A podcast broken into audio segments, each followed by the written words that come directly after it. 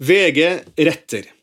I denne episoden omtaler VGs kommentatorer Filter Nyheters sak med tittel 'NTNU Eikrem brukte hemmelig Facebook-konto til å hisse opp rasistiske nettdebatter'. Vi gjør oppmerksom på at Filter Nyheter 28.10.2020 ble felt i Pressens faglige utvalg for brudd på Vær varsom-plakatens paragraf 3.2. Fremstillinga brøt ifølge PFU god presseskikk fordi den var for konstaterende, ettersom avisen ikke kunne dokumentere at Eikrem hadde skrevet de omstridte kommentarene. Eikrem bestrider opplysningene. Dette burde VG opplyst om i denne episoden.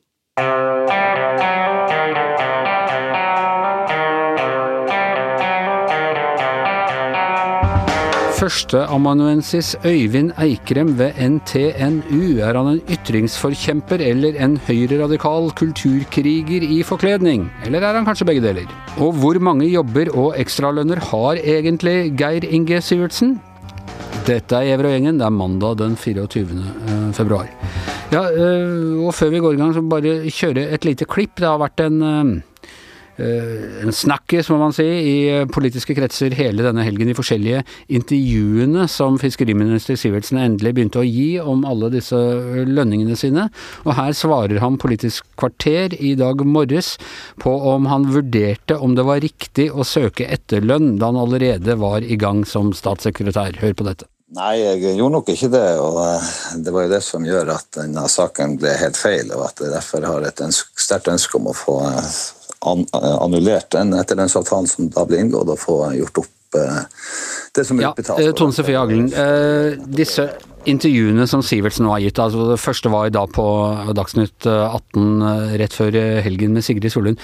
Det er noe fascinerende med hvordan Sivertsen Ja, han har gjort noe galt, og nå må det ryddes opp i med en gang. Og det er han rette mann til å gjøre. Det er åpenbart PR-strategien.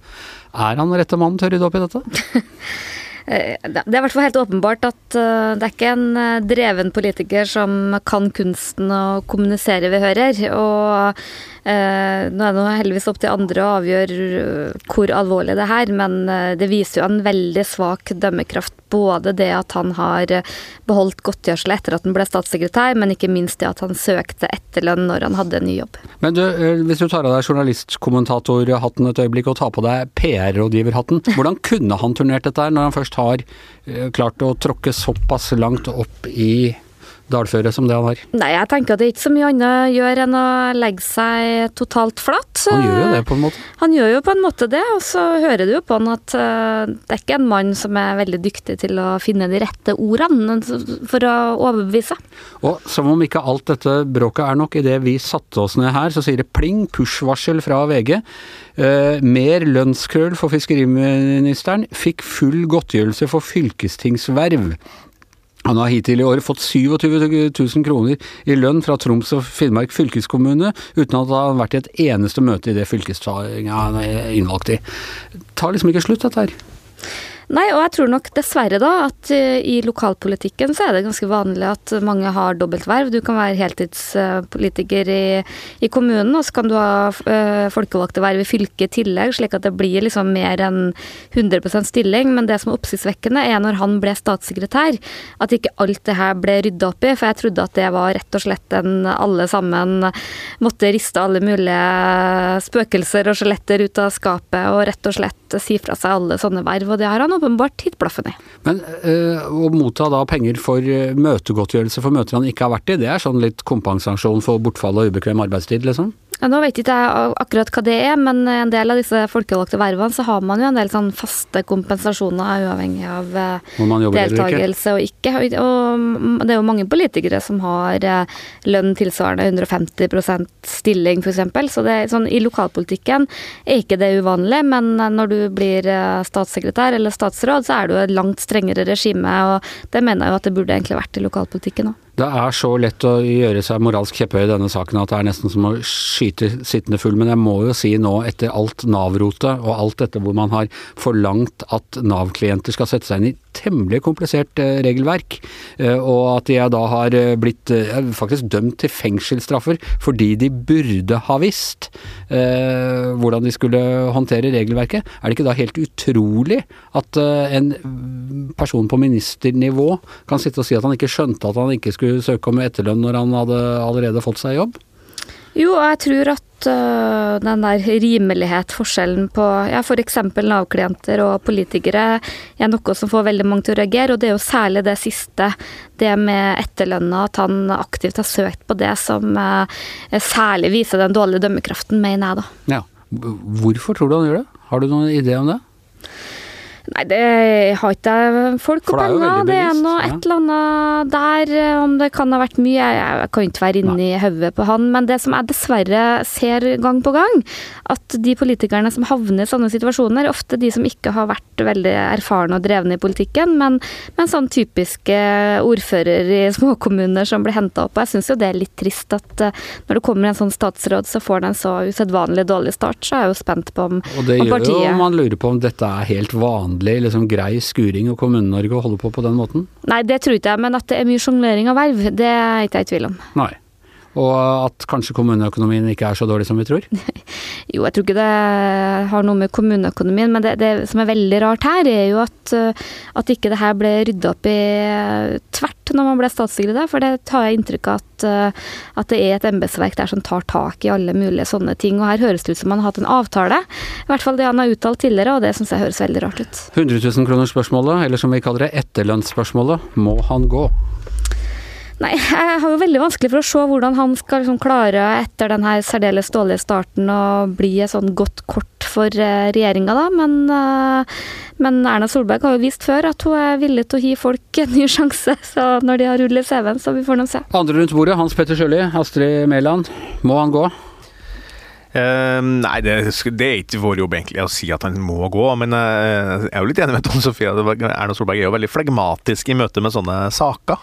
Uh, og vil ikke bruke de ordene og, og snakke på en måte ned litt av det som alle, mange andre oppfatter som en skandale. Så, men men uansett om han må gå eller ikke, så, så er det jo usedvanlig Han har utvist usedvanlig dårlig dømmekraft, og det er klart det er en forferdelig start for en helt ukjent minister fra, fra nord. eh, så ja, Han har malt seg i et hjørne her. Det skal bli jo spennende å se hvordan han skal snakke seg ut av det. Han er litt sånn lavenergisk når han snakker, så jeg håper virkelig han tar litt mer sats. Jeg er sagt veldig imponert over han liksom sagt akkurat her må det ryddes opp, og det er han som skal rydde opp. Astrid, kan ikke du være litt kontrær og si at dette er helt i orden og helt vanlig å ha fire-fem lønnsavregninger? Nei, jeg har det, Anders. du har det, Ja, ja? mange etterlønner, og forlønner og mellomlønn. Eh, vi kan jo faktisk bli vår jobb og si at han må gå, da. Skal ikke utelukke det. Jan Arild Snoen i Minerva og Elin Ørjasæter, som skriver for, kommentator for Nettavisen, har jo allerede sagt det. Og så skjer det jo nå. Det er ikke sikkert, eh, men nå er jo pressen i gang med å, av, å grave her. Da. Det kommer nye ting hele tida. Det var jo jo nevnt at det var Dagbladet som eh, breaka den saken i forrige Mm. uke, og nå eh, fortsetter det. Så det kan jo bli vanskeligere og vanskeligere å være fiskeriminister. Ja, det høres sånn ut. Eh, Det er godt vi bare er kommentatorer med bare én enkel lønn. Uh, den- Altfor lav, selvfølgelig. Altfor lav, altfor lav, uh, og ikke noe kompensasjon for bortfall av ubekvem arbeidstid engang. Heter dere det? Jeg er det.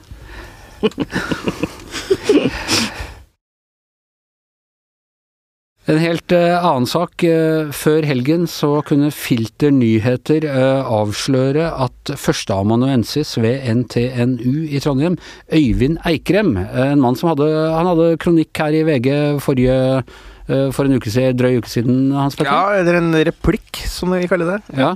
Hva er forskjellen?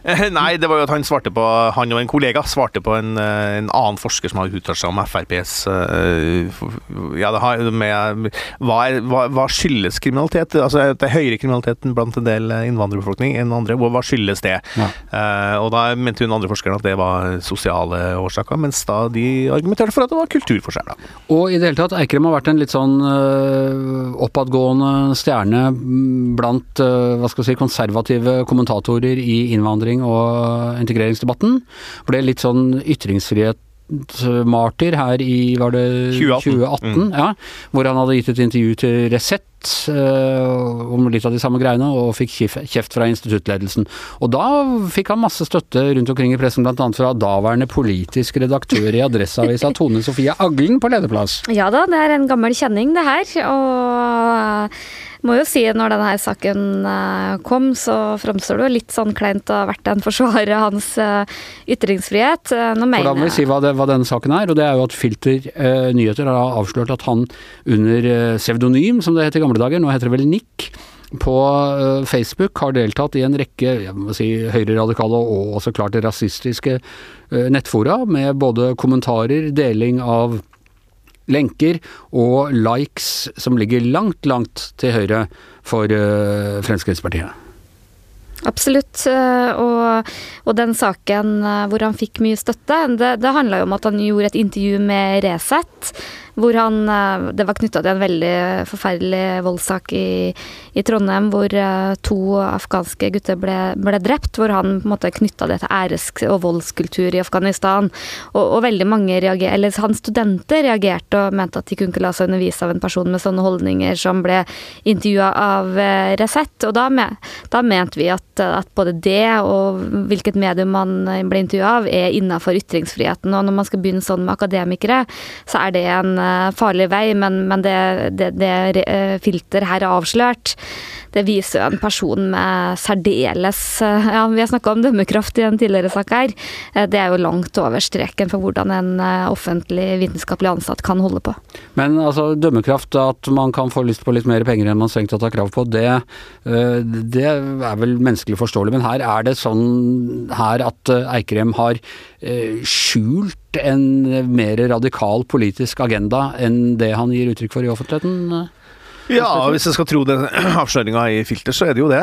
Eh, og da kan jo sikkert, hans forsvar være at nei, det er hans ytringsfrihet er så trua at han må opptre med sånne niks eller avatarer på Facebook, da. Eh, men altså eh, Det er jo, det er jo en sånn diskusjon her om eh, Det som utgangspunktet i 2018 var jo liksom det med, med Skal det være lov altså, Hvor går ytringsfrihetens grenser? Skal da radikale studenter få sette på plass høyreorienterte forelesere, og sånne ting? Sant? Så det er jo vært, den, den saken kom faktisk helt opp i Stortinget. Da. Det var jo eh, en Frp-representant der som, som tok den opp. Og, og så, eh, det var jo egentlig en samla norsk offentlighet, som to som støtta Eikrem den gangen. Var det ikke det? Astrid? Du har jo gått gjennom hele veien ganske nøye. Eh, Han har, var, var kjempepopulær en periode, paradoksalt nok. altså- Ytringsfrihetshelt. Ja, han var det, og det har vært stilt spørsmål i Stortinget til utdanningsministeren.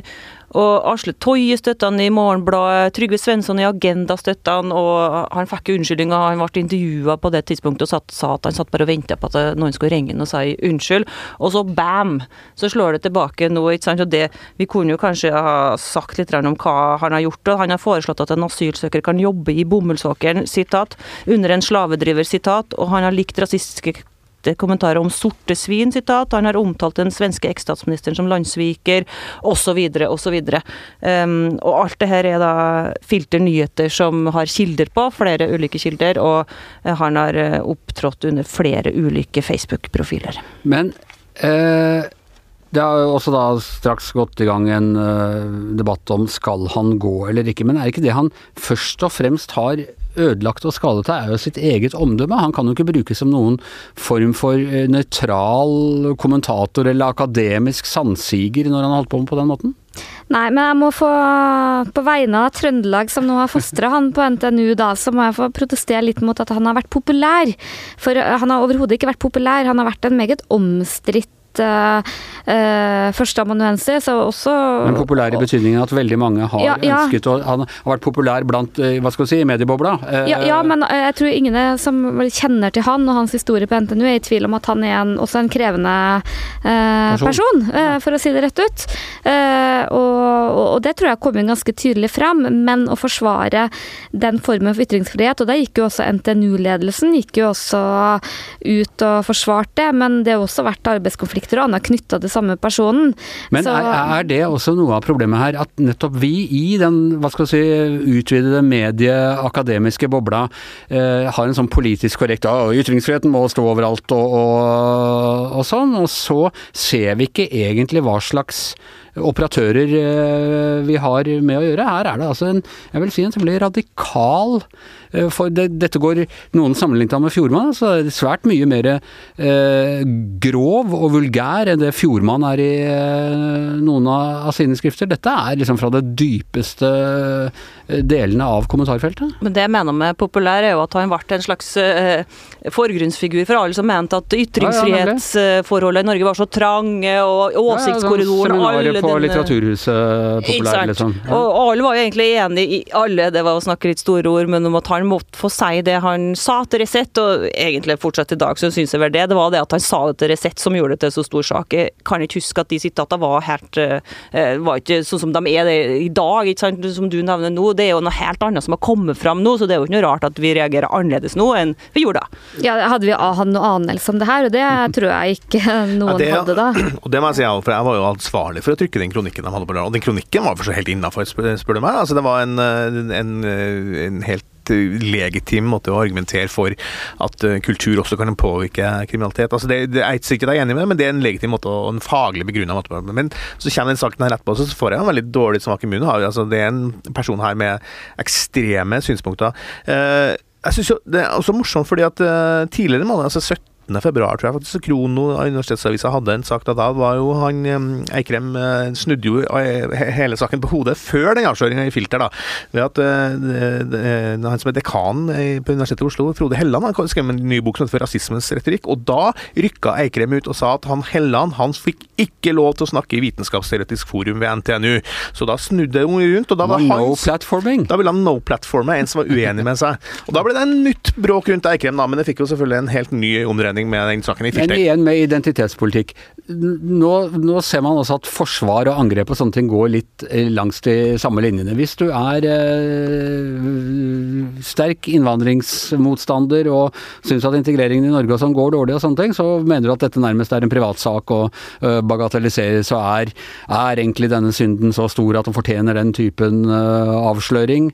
Og hvis du står på den andre siden, så omtrent jubler du over at denne mannen nå må gjennomgå dette. Er det, det, sånn, jo, det viser jo igjen hvor lite prinsipielle vi alle er i spørsmålet om ytringsfrihet. Vi vil vi vil kjempe for dem som vi er enige med. Og så er det, det minner meg litt om den reaksjonen, den hysteriske reaksjonen på den SAS-reklamen for et par uker siden, der man i hvert fall kan kjenne igjen noen av de som var imot den og eh, rasende på den, og var veldig for full ytringsfrihet når det gjelder Mohammed-cartoons. Ja, en av dem som rasa mot den SAS-reklamen, var da Einar Tamburi, som jo da eller, som var en av eh, pseudonymene til han Eikrem, ifølge det feltfilterskrivet. Hva mente Tamburi om SAS-reklamen? Nei, det, det, du kan gjette på det da.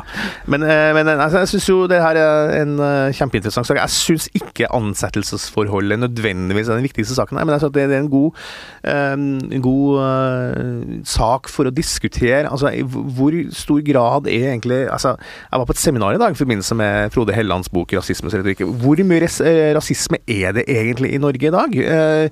Sam, han, Helland har sammenlignet med mellomkrigstida, antisemittismen i mellomkrigstida, og går nokså langt i å påpeke at det er en, en del eh, troper og spor som går igjen.